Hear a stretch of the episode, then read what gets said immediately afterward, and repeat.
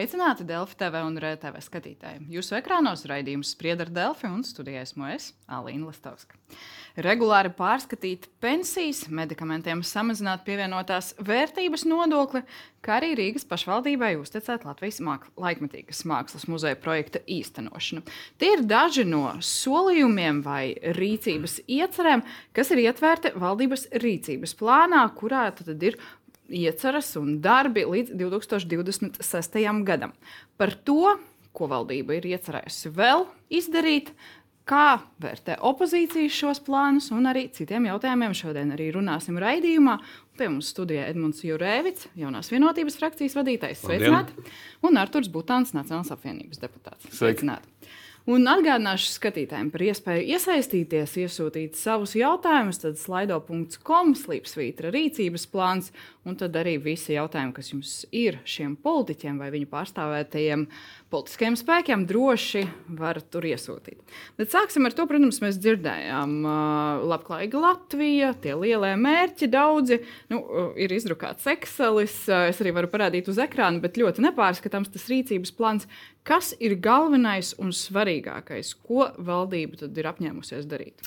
Es domāju, ka galvenais un svarīgākais ir tas, ka šī valdība jau līdz šim ir pierādījusi to, ko apsola, kādus punktus uzliek, tos arī izpilda. Iepriekšējās simts dienās bija tas saucamais neatliekamo darbu saraksts, no kuriem šie var patikt, šie punkti, dažiem ideoloģiski nepatika, man patika. Viņi visi tika izpildīti.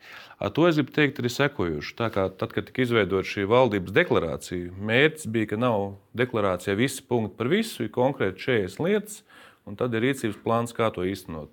Šajā valdībā teiksim, tā, tie punkti šobrīd ir 269, kā īstenot deklarāciju. Tas ir daudz koncentrētāk nekā iepriekšējās valdībās, kad deklarācijā bija tikpat daudz punktu kā rīcības plānā. Bet, ja mēs skatāmies pēc būtības, tad es domāju, tie trīs, manuprāt, galvenie virzieni, ko aptver šī arī gan deklarācija, gan rīcības plāna prioritātes, tā neapšaubāma labklājība, ekonomiskā izaugsme, droša Latvija.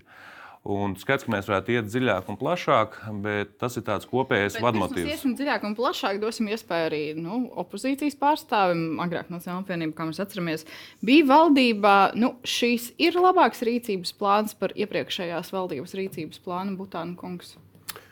Es domāju, ka rīcības plānu kvalitāti jau pārsvarā mēs varam spriest pēc tā, vai viņš tiek vai netiek ieviests. Nevis varbūt pēc tās daļrunības, kas, kas tajā atrodas. Uh, Uh, nu, protams, ir, ir domāju, tādas pamatlietas, to, ka tiek turpināts jau Mūrniecības laikā iestiprinātais par 3% no IKP drošībai. Es domāju, ka tas ir, tas ir protams, uh, uzteicami, ka tas ir atstāts. Uh, bet, nu, protams, ir vairākas lietas gan par ekonomikas konkurētspēju, par eksportu, arī par tautas attaudu. Šobrīd dzimstībā ir rekordzemi rādītāji, nu, kur mēs konkrētas rīcības eh, zem, zem lozungiem īsti apakšā neredzam, un arī nevienlīdzību. Ja, jo mums joprojām pieauguša tendence reģionālajai nevienlīdzībai, kur nesaskatām īsti šobrīd risinājumu, un arī nevienlīdzība, kas sastāv teiksim, arī sociālajā aspektā. Ja, teiksim, māmiņas, kas veido ģimenes ar bērniem, viņām pensija ir mazāka nekā vīriešiem, nu, ja runā par dzimumu. Līdztiesība tur šeit varbūt sanāk tā klišejiski, bet saturiski īsti nav nav rīcības plānā nekas ietverts. Divas lietas, varbūt arī konkrēti runājot saistībā. Tas, ko valdība ir apņēmusies, tā skaitā rīcības plānā, ir šī pašvaldības izlīdzināšanas fonda reforma, kas jāveic šobrīd. Pašvaldību finansēšana modelis nav taisnīgs nec pret Rīgu, nec pret reģioniem. To šobrīd, man liekas, ir visi politiskie spēki ir atzinuši. Tā būs ļoti smaga diskusija, bet tā ir šī valdības prioritāte, viena no šajā gadā. Jo tas arī ne tikai ietekmē pašvaldību iedzīvotājus vai vienkārši izdevumus, bet tas arī ir būtiski šo pašvaldību izlīdzināšanas likumu padarīt tādu, lai pašvaldībām ir daudz lielāka vēlme savā pašvaldībā veikt uzņēmējdarbību, un arī tās pašvaldības, kas aktīvi iesaistās uzņēmējdarbības atbalstam, gūtu atbalstu. Tā kā šis, es uzskatu, ir ļoti būtisks punkts, un šogad tas ir jāizdara. Es arī ceru uz uh, opozīcijas atbalstu, kur liela arī pārstāvniecība pašvaldībās, kas varētu sniegt savu artavu. Tas saistībā ar tām pašvaldību jautājumiem. Jo šobrīd tiešām šis modelis nav nec taisnīgs, nec ekonomiski orientēts. Numur divi mēs runājam par šiem pabalmu, teiksim tā, sociālo paketu. Neapšaubām, tur ir divi aspekti, es pat teiktu trīs.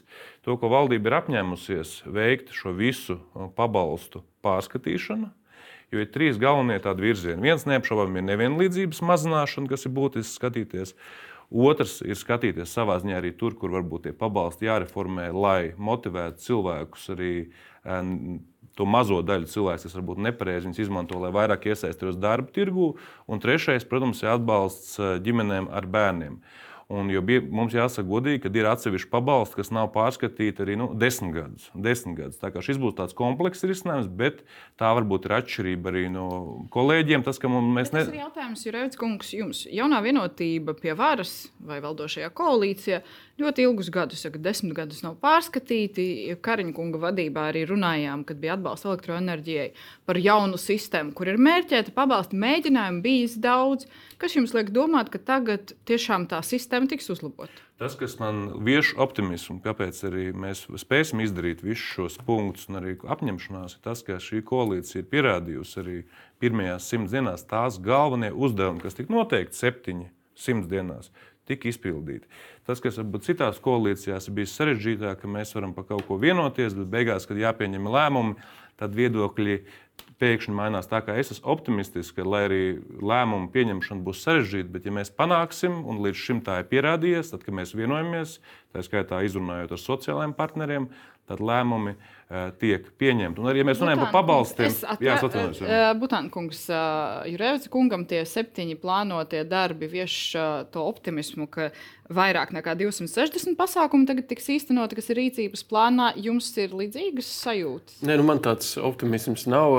Protams, es varu piekrist, ka ir jāpārskata šīs izlīdzināšanās, izlīdzināšana paš, ar pašvaldībām, bet uh, manuprāt, ir jāvirzās to, ka nevis turīgās pašvaldības maksā par mazāk turīgiem, bet valsts sistemātiski ar investīcijām un, un politiku attīsta tādu, lai šie, um, šīs pašvaldības būtu pašpietiekamas pašas. Un jūs redzat, ir runāts retorikā par šo reģionālo nevienlīdzību vienlaikus šomēnes, jau tagad. Vienotība jau caur pašvaldībām. Mēs redzam, ka Cēsīs, Kuldīgas novadā jau teiksim, reģionos slēdz uh, vairākas skolas, pieņem lēmumus par to pašvaldību līmenī. Kaut gan ministra kabineta noteikumi vēl nav izstrādāti nemaz šo skolu optimizācijā. Skolām līdzīgs jautājums ir arī mūsu skatītājiem. Varam atgādināt, ka var uzdot jautājumus vietnē slaido.com slīpsvītra rīcības plāns. Tad galvenais jautājums ir par skolu reformu, par to, ka tiek iznīcināti Latvijas lauki. Tas ir skatītāja viedoklis. Vai tiešām tā ir pareiza rīcība, Jurēvits kungs? Pirmkārt, es pats nāku no reģiona. Es pats nāku no reģiona. Man vecmāte bija arī Pampāļu skolas eh, direktora, tā kā es ļoti labi zinu lauku situāciju. Es, eh, es saprotu arī bieži vien tās emocionālās sajūtas, kad ir skolai ir jātiek reformēta, vai arī viņa ir kaut kur atsevišķi jāslēdz. Bet nekad, ne šai valdībai, ne arī ministrē, pašmērķis nav kaut ko vienkārši slēgt. Mūsu galvenais mērķis ir nodrošināt kvalitatīvu izglītību. Jā, protams, būs atsevišķas vietas, kur tas nozīmēs, ka skola, ja viņi nevar sasniegt kvalitātes rādītājs, būs jāslēdz. Es pateikšu godīgi, arī manā dzimtajā novadā, es ceru, ka tagad tie lēmumi pieņemti, ir atsevišķas skolas tādas bijušas, kur jau skolotāji ir vairāk nekā bērni. Es atvainojos, ar visu cieņu pret laukiem, nu, bet, un es esmu tiešām pats no reģioniem. Tādās situācijās mums ir jārīkojas. Mēs nevaram uh, upurēt bērnu izglītības kvalitāti tādēļ, ka politiski nevaram, kādam tas nav izdevīgi. Nevaram, nevaram upurēt arī pieejamību. Jā, es gribētu teikt, ka, protams, ir, ir jā, jāskatās, un tādu gadījumu, kur tiešām skolēnu skaits ir tur, nezinu, 11 bērni, jā, un, un netālu ir cita skola, un kvalitāte ir zema. Protams, par tādiem gadījumiem es nesaku kategoriski, ka nevienu nevar pārskatīt. Es runāju par sistemātiskumu. Un, Un šobrīd, nosakot vienādus kritērijus, tādā Excel pieejā, grāmatvediskā, neiedziļinoties katrā gadījumā, teiksim, Es varu minēt konkrēti Kuldīgas novadā, vienotības, eh, kur ir eh, pilnība, pilnīgs vairākums, kas vada. Tur šobrīd ir situācija, ka slēdz skolas, kurām arī eksāmena rezultāti ir virsvidējā. Tur slēdz skolas, kurās ir uh, vairāk kā 70 bērnu, un ir tam pašvaldības sēkām pat cits pielietojums. Un, uh, kur tūmā varbūt nav uh, tik kvalitīvas skolas. Līdz ar to es teiktu, es nesaku, ka pilnīgi visur vajag atstāt tā, kā ir šobrīd, un noteikti ir jāiet uz kaut kādu reformu, bet tai ir jābūt saprātīgai un tiem reģioniem jābūt sadzirdētiem. Nevis tā, kā tas ir šobrīd, kad iedzīvotāji netiek ņemti vērā, un vēl pirms tiek izstrādāti valdībā kādi lēmumi vai, vai noteikumi, jau notiek pašvaldībās slēgšana. Manuprāt, tas no, ir atgādājums. No puses, kā opozīcijai, ko jūs darīsiet, kā jūs teicāt, tiem reģionu cilvēkiem jābūt saklausītiem, sadzirdētiem studentiem. Kā jūs viņiem palīdzēsiet to panākt? Nu, šobrīd mēs esam teiksim, kuldīgas kontekstā. Mēs esam lūguši papildus, papildus informāciju un noteikti arī aicināsim arī ministrs kundzi. Šobrīd ir tāda futbolēšana. Ministrija saka, ka nu, pašvaldības pašas to dara. Pašvaldības atkal saka saviem iedzīvotājiem, nu, redz, ka mums, mums atkal Čakšas kundze un ministrija liek to darīt. Nu, līdz ar to es domāju, tā atbildības futbolēšana būtu jāpārtrauc un iedzīvotājiem būtu jāsaprot skaidri, kuras tad tiks slēgtas, kāpēc un, un, un kāpēc tās, kur ir objektīvi labi rezultāti, ir labs skolēnu skaits, kāpēc tās tiek aiztiktas. Nu, es domāju, tur, tur jābūt dialogam. Par to skaidrību. Jā, par to skaidrību. Es domāju, tās pašvaldības, kas jau pat ne šogad, bet citus gadus iepriekš pašas ir bijušas gatavi pašvaldības vadītāji, pašvaldību domas vairākums pieņemt drosmīgus, bet vajadzīgus soļus gan iedzīvotāji, gan pedagoģi, gan skolēni ir ieguvēji. Gribu minēt, piemēram, alūksni. Alūksnē paši viņi saprata, izanalizējot savu situāciju, kā šis skolu tīkls jāsakārto. Tā rezultātā viņiem bija iespēja paaugstināt savas pedagoģa algas un arī skolē, skolēniem nodrošināt izglītības kvalitāti. Tādā ziņā, ja pašas pašvaldības redz jau laicīgāk, kā viņas var savu skolu tīklu uzlabot, un to šobrīd dara daudzas, es zinu, ka arī dažādu politisko spēku pārstāvētās pašvaldības, gan, gan Krāslau, gan citas. Es domāju, ka skaidrs, ka šis vienmēr ir bijis īpaši reģionāli ļoti jūtīgs jautājums, bet tie, kas to izdara laicīgi, sakārto šo tīklu, viņi ilgtermiņā ir paši ieguvēji, jo ja mēs vienkārši aizveram acis un, un par Mēs runājam šeit arī šajā studijā ar Vanegas kundzi arotbiedrību pārstāvu. Viņa arī teica, ka nu, ļoti liela problēma ir tā, ka nav skaidrības noteiktajos termiņos. Ir ļoti vēlu pēdējā brīdī pieņemti lēmumi. Ar šo skolas tīklu būs labāk? Jūs to varat apgalvot? Es pirmkārt arī par to iesaistu, kas teica, ka nav uzklausīts pašvaldības. Čakša kundze brauc uz pašvaldībām regulāri. Tas ir fakts. Ar katru pašvaldību individuāli runā, un ar katru pašvaldību būs savs līgums, kurā arī viņi varēs savu reģionālo aspektu, jo var atšķirties. Tiešām pie jūrā, pierobežā ir atsevišķi, vai, vai arī ņesim, Latvijas sēlīs, tuvā pierobežā ir atsevišķas situācijas. Un es nav, nav tā, ka šeit ir vienkārši Excel faili. Arī ģeopolitisku un drošības apsvērumu dēļ austrumu robežā, kas iet mums ar agresoru valsti, būs daudz pielaidīgāk kritērija, jo tur arī ir valsts teikt, drošības aspekts. Un katrā ziņā es jums varu pateikt, kāpēc arī par šo skolu tīklu nu, ir bijušas teiksim, diskusijas. Labi, ir asas, ir būs skaidrs, tāpēc, kāpēc daudz nav gatavi pieņemt spēcīgus lēmumus. Divi konkrēti piemēri. Pagastā, kurā ir pieauguši dzimstības rādītāji, jo tika izbūvēts labs ceļš uz reģionālo centru, tiek plānots slēgt skolu tikai tāpēc, ka par dažiem skolēniem viņi nesasniedz tos potenciālos to skaitu un netiek ņemta vērā šī demografiskā pozitīvā tendence. Otrs piemērs ir Nīcā kurzemes pusē, kur arī pietrūkst daži bērni līdz šim kritērijam, bet pirmās klases ir divas. Un tā tendence ir tāda, ka tas skolēnu skaits pieaugs. Un, man liekas, tā tomēr ir grāmatvediska pieeja, ja neskatās tendences, neskatās demogrāfiskos rādītājus, bet vienkārši paskatās, mūsu kritērijs ir tāds, jums tur pietrūks daži bērni, slēdzam ciet. Manuprāt, tas ir atšķirīgi. No, bet tas ir arī jautājums par to, nu, kaut kādiem kritērijiem jābūt, lai nebūtu bāžu par to, kāpēc viena skola tiek slēgta, cita nē. Tad, ja mēs tuvojamies kritērijiem, tad tie ir izņēmumi. Es, domāju, ka, jā, es piekrītu, ka kritērijos ir ne tikai skaits, bet arī tendences jāņem vērā. Tas, tas ko es cenšos teikt. Protams, arī kvalitāte, jo manas minētajos piemēros eksāmenu rādītāji, to var viss mājaslapā, jebkurš pārbaudīt, ir virs vidējā. Labi, izglītība ir viens jautājums. Cits jautājums, protams, ir drošība, kas visu laiku mums ir tagad, uh, svarīga un būtiska tēma. Un tad uh, mērķis 3% aizsardzības nozarei no iekšzemes koprodukta 2027. gads un pakāpeniski palielinām. Ir kādas domas vai iespējas, ka tos 3% varētu sasniegt jau ātrāk, vai nav nepieciešams? Es domāju, ka šobrīd ir noteikti šis mērķis skaidrs un ambiciozs, bet arī atbilstošs ģeopolitiskajai situācijai.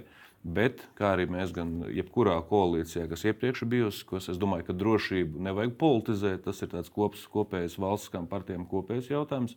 Es domāju, ir jābūt pēctecībai, bet, ja mēs redzēsim, ka ir vēl nepieciešams ģeopolitiskā situācija, vēl sāsinās, vai nepieciešama vēl kāda ieguldījuma mūsu aizsardzībā, skaidrs, ka gan valdība, un es arī ceru, ka saimnes vairākums ir plašāks un tie koalīcija būs gatava atbalstīt arī, ja būs nepieciešams plašāku finansējumu.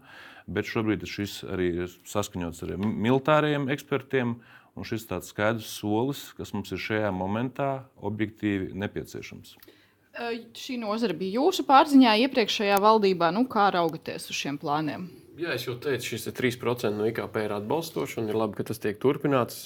Es domāju, mums ir jāņem vērā, ko militārie analītiķi un, un, un eksperti saka. Un tās ir divas lietas. Pirmkārt, kā potenciāli tātad, uh, Krievija var izvērst uh, arvien vairāk šo hibrīdu karu. Un, uh, Un varbūt tā varbūtība pastāv, ka tas būtu nevis atklāts konvencionāls karš, bet tieši kaut kādas provokācijas, kas nu, vairāk būtu iekšējās drošības lauciņā. Tāpēc, mūsuprāt, ko mēs arī budžeta sarunās norādījām, iekšējai drošībai būtu jābūt lielākai prioritātei.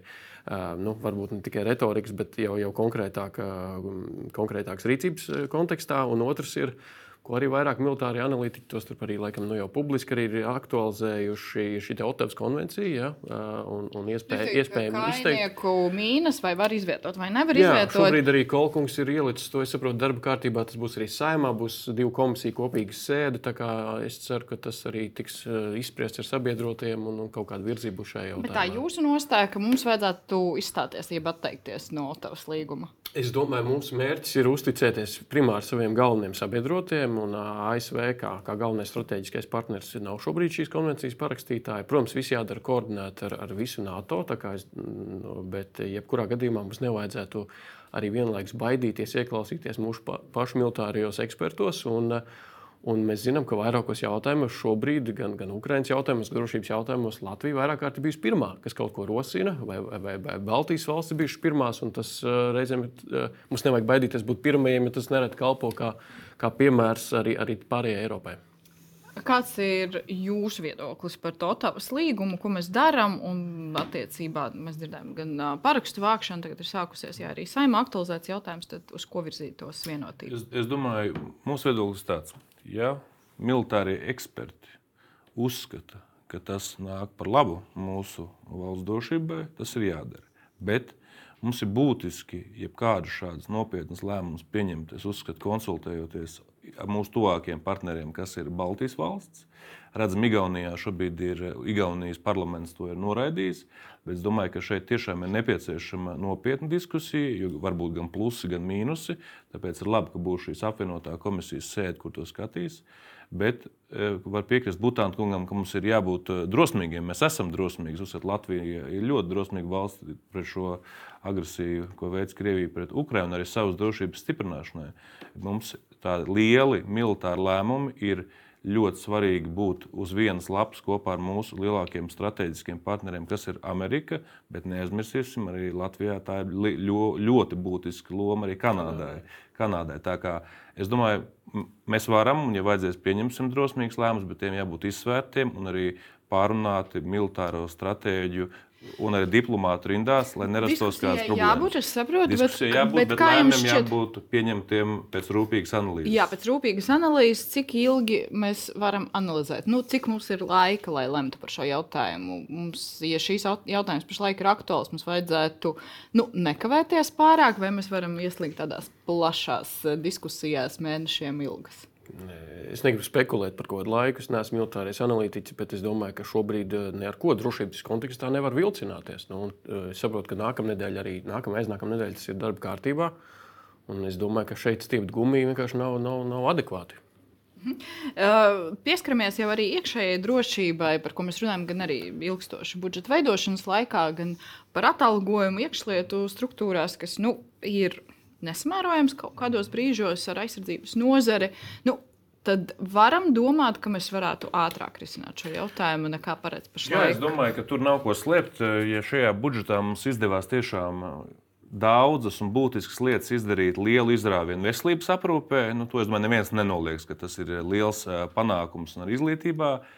Lai arī iekšējai drošībai bija pieaugums, bet, ja mēs skatāmies objektīvi, Nepietiekams. Nu, jāatzīst, vienkārši ne, nepietiekams finansējums, bet skaidrs, ka jebkurā budžetā jāizvērtē, kuras ir šī brīža iespējas. Bet, uh, ko es gribu teikt? Es uzskatu, ka nākamā gada budžetā iekšējai drošībai ir jābūt vienai no top prioritātēm, un jau šajā gadā es uzskatu, ka ir jāpieņem skaidrs uh, grafiks tā saucamais algu pieauguma grafiks, iekšējās drošības, teiksim, gan policistiem, gan ugunsdzēsiem, vajag šādu pašu algu pieauguma grafiku pieņemt, kāds ir bijis pedagogiem. lai ir lietu skaidrība. Es domāju, ka tas ir jāizdara šis grafiks pirmajā pusgadā jāpieņem. Un jāizstrādā arī budžetā, lai šie iekšējās, iekšējās drošībā Bet strādājušie gadījumā- redz savu perspektīvu nākotnējos gados, skaidru pieaugumu, vēl Nu, lielāku. grafiku, protams. Jā, jo šogad bija pieaugums, bet jāiedod skaidrs, skaidrs arī signāls, Bet ka tas ātrāk par neapstāsies. budžetu, kas ir eh, nākamajam gadam, par šo tēmu mēs īsti neko risināt nevarēsim. Nē, es domāju, ka jārisina, tas ir jārisina pirmkārt tas, ka šajā pusgadā ir skaidri kopā ar, arī ar iekšējās, um, iekšējās drošības nozarēm, gan arotbiedrībām, gan arī ekspertiem jāvienojas par skaidru, jāno, par grafiku, pie kuras stingri jāatrast tieši tāpat kā šī valdība, tad, kad vienojās ar pedagogiem, arī izpildīja visus solījumus līdz pēdējiem eiro. Jā, es, es, um, viens ir šis atalgojums, ko mēs budžeta kontekstā arī uh, um, aktualizējam, bet otrs, ko es gribu aicināt, paskatīties, mums iekšējā drošībā jādara, jāsaprot, ko grib darīt mūsu ienaidnieks, un jādara tieši pretējais. Un šobrīd tajā nopludinātajā Kremļa plānā no Pleskavas universitātes mēs redzam būtībā tādas trīs, trīs apakšpunktus, kas viņiem liekas svarīgi šobrīd, pirms varbūt kaut kāda uh, potenciāls uh, kardarbības izvēršanas. Tad viņi gatavo augsni, to augsni viņi gatavo informatīvā telpa, ja, kas ir daļa no info kara un iekšējās drošības. Uh, Tātad uh, Krievijas kultūras pašpietiekamība šeit. Un valodas lietošana. Respektīvi, kad valodai tiek nodrošināta telpa izglītības sektorā, publiski un arī mēdīņu telpā. Un šeit arī rīcības plānā nu, mēs šobrīd neredzam, ir ļoti daudz uzskatīts par valodas apgūvu, kas ir uzteicami. Bet par valodas lietojumu, par valsts valodas paplašināšanu, vai, vai respektīvi Krievu šos pasaules samazināšanu Latvijā šobrīd nekā, nekā īsti neredzam. Un es domāju, iekšējās drošības kontekstā mums jādara tieši tas, ko nevēlas. Jādara tieši pretējais Kremļa plāniem. Un, Un šī info kara apstākļos jā, jāsamazina Krievijas pasaules pašpietiekamība, gan valodas, gan kultūras, gan info telpas ziņā. tā latviskā un iekļaujošā Latvija, kas ir viens no virsmērķiem, jūsuprāt, ir tikai vārdos. Nē, viņi, es saku, viņi daļēji. Tur, kur ir par valsts valodas kursiem un to, ka uh, tiek koncentrēti vienā vietā valsts apgūta, tas ir pareizi. Bet arī šobrīd, kontekstā Krievijas pilsoņiem, ja, kas tiek izraidīti, viņi daudzi saka, mums jau ir kaut kādas valsts valodas apgūtas kursus, viņi kaut kad ir izgājuši. Vienkārši viņi, viņi nezina valodu, tāpēc viņi nepraktizē. Jo problēma Latvijā, arī Latvijas valsts, uh, Latviešu valodas aģentūras dati parāda, ka visi ir mācījušies valodu un zina, bet problēma ir lietojumā. Jo mierīgi publiskajā telpā, darba vidē un visur citur var iztikt ar, ar krievu valodu un latviešu valodā. Na, reizēm pat nav nepieciešama. un Tā ir tā problēma. Labi, Tieši lietojumiem ir jāiekļauj rīcības plānā, lai šo problēmu, ko jūs minat, atrisinātu? Nu, teiksim, viena konkrēta lieta, kas ir drošības koncepcijā minēta, ir līdz ā, 25, pēc 25. gada pārējai sabiedriskajai mēdīju krievu valodā. Tas šeit ir pazudis rīcības plānā. Ja? Tāpat Nu, par to bija plašas diskusijas Jā. pēc valdības Tātad šeit izveides. vienkārši tiek ignorēts koncepcijas, koncepcijas teksts. Nu, un, un otrs ir um, arī šis tirgus jautājums, ko vienotība iepriekšējā retorikā teikusi. Ir arī valsts prezidents to akcentējis. Šobrīd uh, mūsu iesniegtais likumprojekts virzās tiesa gan ļoti lēni uz priekšu, bet nu, redzēsim, kā tiks risināts darba, diskriminācija darba tirgu. Jūs dzirdējāt, ko jaunie ārsti nu, pat, uh, stāstīja, kāda ir situācija. Mēs vienkārši zaudējam cilvēku kapitālu, speciālistus. atbildēt? Jā, es gribu teikt, par šo jautājumu nav ko strīdēties, jo gan šīs valdības, gan arī manas jaunās vienotības frakcijas nostāja skaidra. Valsts valodas loma ir jāturpina stiprināt, tā skaitā visos aspektos, gan sabiedriskajā, tā skaitā it īpaši darba tirgū. Tāpēc arī valdības deklarācijā ir un arī rīcības plānā ir skaidri punkti par to, ka mums ir jāizskauž šī lingvistiskā diskriminācija, kas ir darba tirgu. Īpaši tas ir sāpīgi pret jauniem cilvēkiem, Latvijas pilsoņiem, kas nāk no reģioniem, jo viņi šo krievu valodu ne- nezina. Arī nav pareizi, ka Latvijā cilvēkam savā valstī var tikt atteikts darbs dēļ tā, ka viņš vai nu neprot, vai nevēlas lietot krievu valodu. Arī valdības deklarācijā ir skaidrs punkts par to, ka ir jāizsniedz, jāsniedz priekšlikumi, kā to ierobežot. Šī varbūt arī tāda ir joma, kur mēs Nacionālajā apvienībā uzskatām, mēs varam sadarboties, un esam sadarbojušies. Arī viņu iniciatīvas, kas par šo ir bijušas, esam līdz šim atbalstījuši. Un arī paši, pirm, jau paši ir gājuši ar iniciatīvu. Mēs, Nu, tad Tas, ko jūs sakat, risināsiet. Nē, es, es gribu teikt, šī, šī tiešām ir nopietna tēma, ko es aicinātu tiešām nepolitizēt un neielikt vienas vai otras partijas tādā karogā. Jo, ja es uzskatu, ja ir lielākā problēma šobrīd Latvijā tieši ar uh, valsts valodas lomas degradāciju, tas ir diemžēl darba tirgus.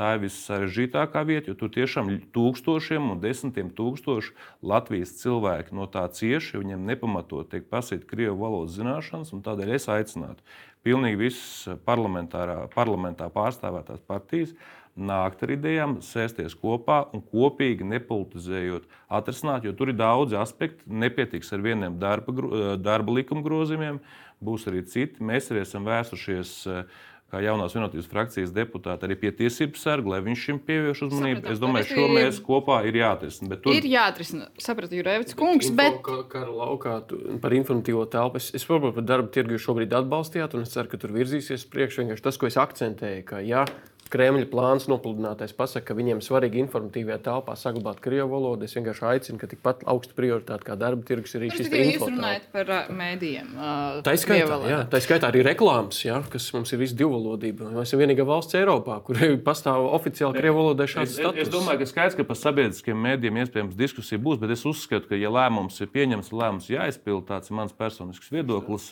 bet es uzskatu, ka mēs nevaram nu, tā šauri no vienas puses skatīties tikai uz kā, sist pa sabiedriskiem mēdiem, bet tajā brīdī, kad mums ir patsmetiem krievu valodā raidoši privātie radio, kur daļa raida, no nu, atvainojas, pilnīgs murgus, ka mēs uz to neskatāmies. Skatos, eh, es domāju, ka to mums arī būs jāstāsta. Bet, bet es, ka... tad, Jurēts, kungs, jūs sakat, ka tas, kas ir pieņemts drošības koncepcijā par uh, sabiedrisko mēdīju krievu valodā, ka mums nevajadzētu turpināt pēc tā teikt termiņa, kas ir noteikts koncepcijā. Es personīgi uzskatu, ka lēmums ir pieņemts, lēmums jāizpild. Sapratu, plānā nav rīcības plānā nav. Bet nu, redzēsim, ko darīs valdība, kādas būs diskusijas koalīcijā. Ir cits jautājums arī no skatītāja. Nu, viņš saka, ka Primā, pirmais ir jārisina demogrāfijas jautājums. Pēc desmit gadiem, ja šādi turpināsies, nebūs kas sēdz pensijas un uztur valsts sektoru vai jaunajai vienotībai ir plāns. Par demogrāfiju jūs minējāt, nu tad kas var būt tie trīs galvenie soļi, kas ir paredzēti, lai risinātu demogrāfijas jautājumu? Es gribu teikt tā, tas, kas varbūt ir līdz šim mūs arī atšķīras tie aspekti iepriekšējās valdībās. Pat tieši par nākotni es gribu teikt. Es uzskatu, ka trīs galvenie soļi, lai uzlabotu demogrāfiju, nav pabalsti, bet ir veselības aprūpe pieejamība jaunajām māmiņām un bērniem, kas šajā budžetā ir tam līdzekļi palielināti. Numur divi, tas neapšaubām ir pirmsskolas izglītības pieejamība, kur arī varam un ministrija domā, kā papildus arī dot pašvaldībām atbalstu, lai šos nodrošinātu bērndārus. Un trešais, neapšaubām, kas ir jādomā, kas ir kopumā mūsu izglītības tādā, nu, sistēmā, arī vairāk palīdzēt un atbalstīt, nevis atvainojos, darba sistēmā palīdzēt, atbalstīt, lai māmiņām daudz vieglāk arī pēc pēc savas būšanas ar bērnu mājās, būtu vieglāk atgriezties darba tirgū, tad, kad viņi vēlās. Tā kā es domāju, ir jāskatās, mans personīgais viedoklis, ka mēs šo jautājumu nevaram risināt pamatā ar pabalstiem, mums jāskatās pakalpojumu virzienā, bet atzīsim arī, ka eh, šī demogrāfiskā situācija visā, eh, visā teiksim, attīstītajā pasaulē ir sarežģīta un mēs to nevarēsim tā vienkārši atrisināt ar pabalstiem. Tāpēc mans primārais uzskats mums jāpalīdz tieši ar pakalpojumiem. Un viens būtisks solis, kas jau ir šajā budžetā pieņemts, kur ir Hosams Amerikā ministrs runā, ir tieši veselības aprūpe bērniem un māmiņām. Tas ir daudz būtiskāk dažreiz nekā par atsevišķu pabalstu. Butāna kungs nostrādās tas, par ko runāju Raivs. Es domāju, ka tā galvenā, ar ko Latvija ir interesanta, ar to, ka uh, statistika rāda, ka ģimenes vēlas vairāk bērnus nekā dzimst. Tātad gribēšana ir, kas varbūt ar ko mēs atšķiramies atšķiramies uz, uz, uz globālā konteksta. Bet ir šī fi, finansiālā šķēršļa un šī sociālā nevienlīdzība, ka māmiņa, kad viņai jāizvēlas turpināt, tad sieviete, kas izvēlas vai nu turpināt karjeru, vai laist pasaulē bērniņu, veidot ģimeni, viņa saprot, ka ja viņa izvēlās par labu bērnam un ģimenei, tad viņai ienākuma līmenis nevis saglabāsies, nevis palielināsies, bet samazināsies. Un es domāju, ka ja, ja mēs turpinām šādu politiku, mēs faktiski darām visu, lai, lai, lai cilvēki paliktu darba tirgu, nevis veidotu, nevis veidotu ģimeni. Tā nu, tad, tad, pat laikā tas, ko uzskaitīja Rēvica kungs, tas nestrādās. Es, es pievienotu tam klāt arī, es, es nesaku, ka pabalsts vai sociālais atbalsts ir vienīgais burvju nūjiņš, ja, bet vienkārši norāda, ka tas ir ļoti būtisks aspekts. Un vienkārši viņiem ir jāiet līdzi arī, arī laikam. Viņi nav celti daudzus gadus. Otrs ir arī mājoklis. Jo šobrīd mājokļu politika ir īpaši reģionos gan pie banku nekreditēšanas, gan arī nu, pārskatot šo altuma atbalsta intensitāti, būtu jāvirza tāda, jo tas ir primārais jautājums. Tātad ienākuma līmenis un mājoklis. Neko, nekā, neko citu daudzas paplātes ģimenēm, neva, neko ekskluzīvu neviens neprasa. Ļoti īsi neiebilstot dziļi par to, ka skaidrs Nacionāla apvienība skatās bieži vien tos pirmos divus gadus bērniņam, kas ir ļoti svarīgi. Es piekrītu, tā mums jādomā, kā to diskrimināciju pret sievietēm novērst. Bet tas, kas ir būt, jāskatās, ir daudz, manuprāt, plašāk. Un tā viena vieta, kuras var piekrist, ir šī mājokļa politika. Jo arī gan īres tirgus, tas ir milzīgi izdevumi jaunajām ģimenēm un arī iegūt jaunu mājokli. Tādēļ arī valdības deklarācijā, atvainojos, rīcības plānā, ekonomikas ministrija aktīvi pie tā strādā, lai iedzīvinātu īres mājokļu būvēšanu. Tas ir būtiski. Sapratu. Uh, es gribētu arī vispārīgi parunāt uh, par vērtējumu arī gan valdībai, gan arī amatpersonām kopumā.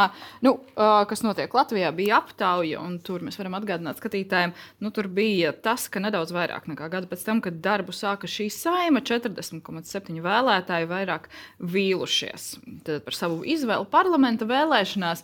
Tas ir viens vērtējums. Um, arī Arnis Kaktiņš runāja tad, tad par uzticību amatpersonu teiktajām.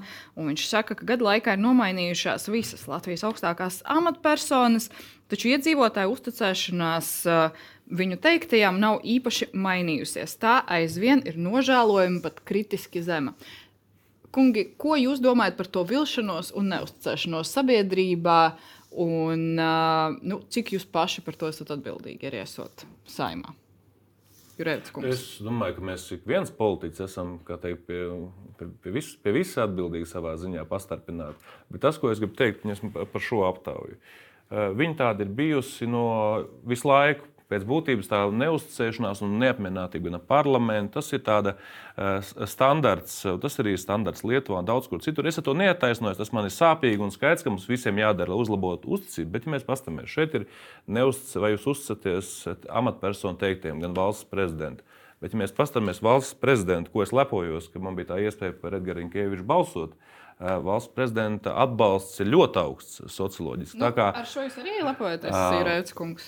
Es domāju, ka mēs. Kā zin... vēlētāji, kur nobalso, iespējams, tajā skaitā par jauno vienotību, ir vīlušies. Es domāju, ka Latvijas politikā nav daudz tādu vēlētāju, kas ar lielu prieku vai entuziasmu par kādu balso. Viņi izvēlās tās politiskā tā... partija, kas viņam ir tuvāk. Un es pilnīgi saprotu, ka politiķis Neviens šeit nemīlēs, un tas ir pat loģiski, ka mēs neesam autoritīva valsts. Kāpēc es šo jautāju? Jo mans jautājums ir, ko mēs darīsim, Butāna kungs, lai mudinātu šos uh, vēlētājus, kas ir vīlušies, kas neusticās, aiziet uz Eiropas parlamenta vēlēšanām? Es domāju, ka mums uh, tāda uzticamība, manuprāt, sastāv no divām lietām. Viens ir cieņpilns dialogs ar iedzīvotājiem, ne tikai priekšvēlēšana laikā, bet visu laiku. Mums kārtības rūlis paredz, ka piekdienas ir uh, tikšanās ar vēlētājiem. Ja? Nu, vai, vai parlamentārieši to tiešām to dara, vai uzskata vairāk par brīvdienu, tas ir uz katra paša sirdsapziņas. Es daru, jā, un es arī sociālos tīklos atspoguļoju, kur, es, kur un kad es dodos. Es neesmu vienīgais, bet, bet nu, katrā ziņā nu, tas droši vien uz, uz visu parlamentu kopumā tas noteikti būtu aktīvāk jādara. Kas attiecas uz valdību tieši, nu, tad es domāju, ka šeit nu, iezīmēs arī tas politiskie principi un vērtības, ar kādām partijas sev piesaka. Un, nu, šeit man jāpiemina Kariņkungs, kurš pirms vēlēšanām ar putām uz lūpām teica, ka ne, nekādos apstākļos nestrādās kopā ar ZZS un ar Lembergu un, un bija kategorisks. Un, faktiski nedaudz vairāk kā pusgadu vēlāk kopā taisa valdību. Un es domāju, ka jā, principi un vērtības atšķirās partijām un atšķirās arī vēlētāju spektrs, bet uh, šis, man liekas, demonstrē to, ka neatkarīgi kādām vērtībām mēs ticam, ka mēs sagaidām, ka mūsu priekšstāvji, ja mēs kā politiķi šīs vērtības un principus aizstāvjam. Un, manuprāt, tas, ko mēs uh, pieredzējām šobrīd ar valdības maiņu, bija tāda klasiska ietekmes pārdalīšana, tāds politiskais tirgus. Mans jautājums vēlreiz īsumā. Ko darīt ar Eiropas parlamenta vēlēšanām? Kā motivēt vēlētājus doties balsot? Īsumā, kā vispār, manuprāt, ir svarīgi uzlabot gan uzticību, gan arī attieksmi. To var izdarīt, manuprāt, tad, tad kad dod skaidrus solījumus, skaidrus uzstādījumus. Viņi var patikt, nepatikt, bet viņi tiek īstenot. Un šīs koalīcijas princips tāds arī būs. Un es uzskatu, tajā brīdī, ja mēs arī turpmāk spēsim pierādīt, ja mēs pasakām, ka mēs šādu lēmumu pieņemsim, varbūt nepopulāru, grūtāk izskatīt, bet viņš tiek pieņemts, tā uzticamība pieaug. Vislielākā problēma tas ir visā politiskajā elitē bijis tā, ka mēs varbūt labu gribējām pārsolam, jāpilda, ļoti jāpilda laba apņemšanās. Butāna kungs, kā motivēsiet vēlētājus aiziet uz vēlēšanām? Jā, divas lietas. Pirmkārt, es gribētu, lai, lai cilvēki atcerās, bija tāds Gustavs, Gustavs Terzena tvīts Twitterī, kur bija Viņš bija ielicis bildi par to, kā Zelenskis ir Eiropas parlamentā. Visi pieceļoties kājās, sagaida viņu. Un ir daži deputāti, kas sēž apzināti izrādot necieņu. Viena no tām bija Tatjana Ždanoka. Ja, tas bija vienkārši startautisks kauns Latvijai, ka kāds Eiropas parlamenta deputāts tā uzvedās. Un, un mēs ar likumu esam panākuši to, ka Ždanoka vairs nevarēs būt Eiropas parlamenta deputāte, bet nu, viņas vietā var kāds cits Ždanoka veidīgais parādīties tur. Tāpēc mana pirmā motivācija, nu, neatkarīgi par ko, par ko es balsotu, es, es, es domāju, ka Tā ir pirmā motivācija, lai mums nebūtu apkaunojums starptautiski, un tādi cilvēki tur neatrastos. Otrakārt, es paredzu, nu, ka tā galvenā cīņa Eiropas parlamentā būs starp, starp teikt, Zīles komandu un, un, un, un Kariņkungu komandu. Un, un es domāju, ka nu, te ir arī tā ideoloģiska atšķirība. Mēs gribētu domāt, ka Nacionāla apvienība vairāk pārstāv šīs nacionālās intereses Eiropas līmenī, vienotība vairāk šo Eiropas strāvojumu Latvijas pusē, bet jebkurā gadījumā šie ir divi uh, divi eiropeiski spēki, kas savā starpā sacentīsies. Es domāju, ka ideoloģiskie šādi, jautājumi tie, kas. Protams, ka ir ideoloģiskas atšķirības, bet es domāju, ka jebkurā gadījumā, lai arī kāda būtu vēlētāja izvēle, uh, es domāju, tas ir, tas ir abi ir cieņpilns izvēles. Nevis, nevis teiksim, kā es teicu, šī, šādi Danoki vai tam līdzīgs mums starptautiski par, e- apkauno. Par Eiropas vēlēšanām vienotība ir izdarījusi savu izvēli par pirmo numuru. Jaunai vienotībai būs ļoti spēcīgs saraksts, bet Dabros izvēle. Kariņa kungs ir izvēle. Es, Tuvākajā, tuvākajās nedēļās šāda izvēle par kopējo sarakstu tiks gan prezentēta, gan valdē pieņemta par visiem kandidātiem. Ko es gribu pateikt kopumā, kā motivēt vēlētājus? Ir redzams, ka šim vairs Es atvainojos, bet nebūs laika. Noslēgumā pajautāšu, bija bažas par vizīti uz Ķīnu. Vairākiem parlamentāriešiem par apmaksu no tās puses. Satversmes aizsardzības birojas arī brīdināja par riskiem. Devās uz Ķīnu arī Aleksandrs Kirsteins. Runāsiet, jautāsiet, iztaujāsiet viņu par šo braucienu, vai jūs riskus nesaskatāt, ka uzņemošā puse apmaksā braucienu? Es, es neuzskatu, ka tas bija vajadzīgs brauciens. Man liekas, ka nu, tas bija individuāls viņa lēmums, netika saskaņots, netika saskaņots partijā. Un, manuprāt, nav vajadzīgi. Līdzīgi kā mēs zinām, Valdis Dombrovskis devās nu, pirms pāris mēnešiem vizītē Ķīnā. Tagad parlamentārieši, manuprāt, mums, Latvijas, Eiropas politiķiem, ir ārkārtīgi uzmanīgiem jābūt. Un, manuprāt, tās ir nevajadzīgas vizītes šobrīd. Paldies jums par šo sarunu. Paldies jums, ka skatījāties un uz tikšanos jau rīt.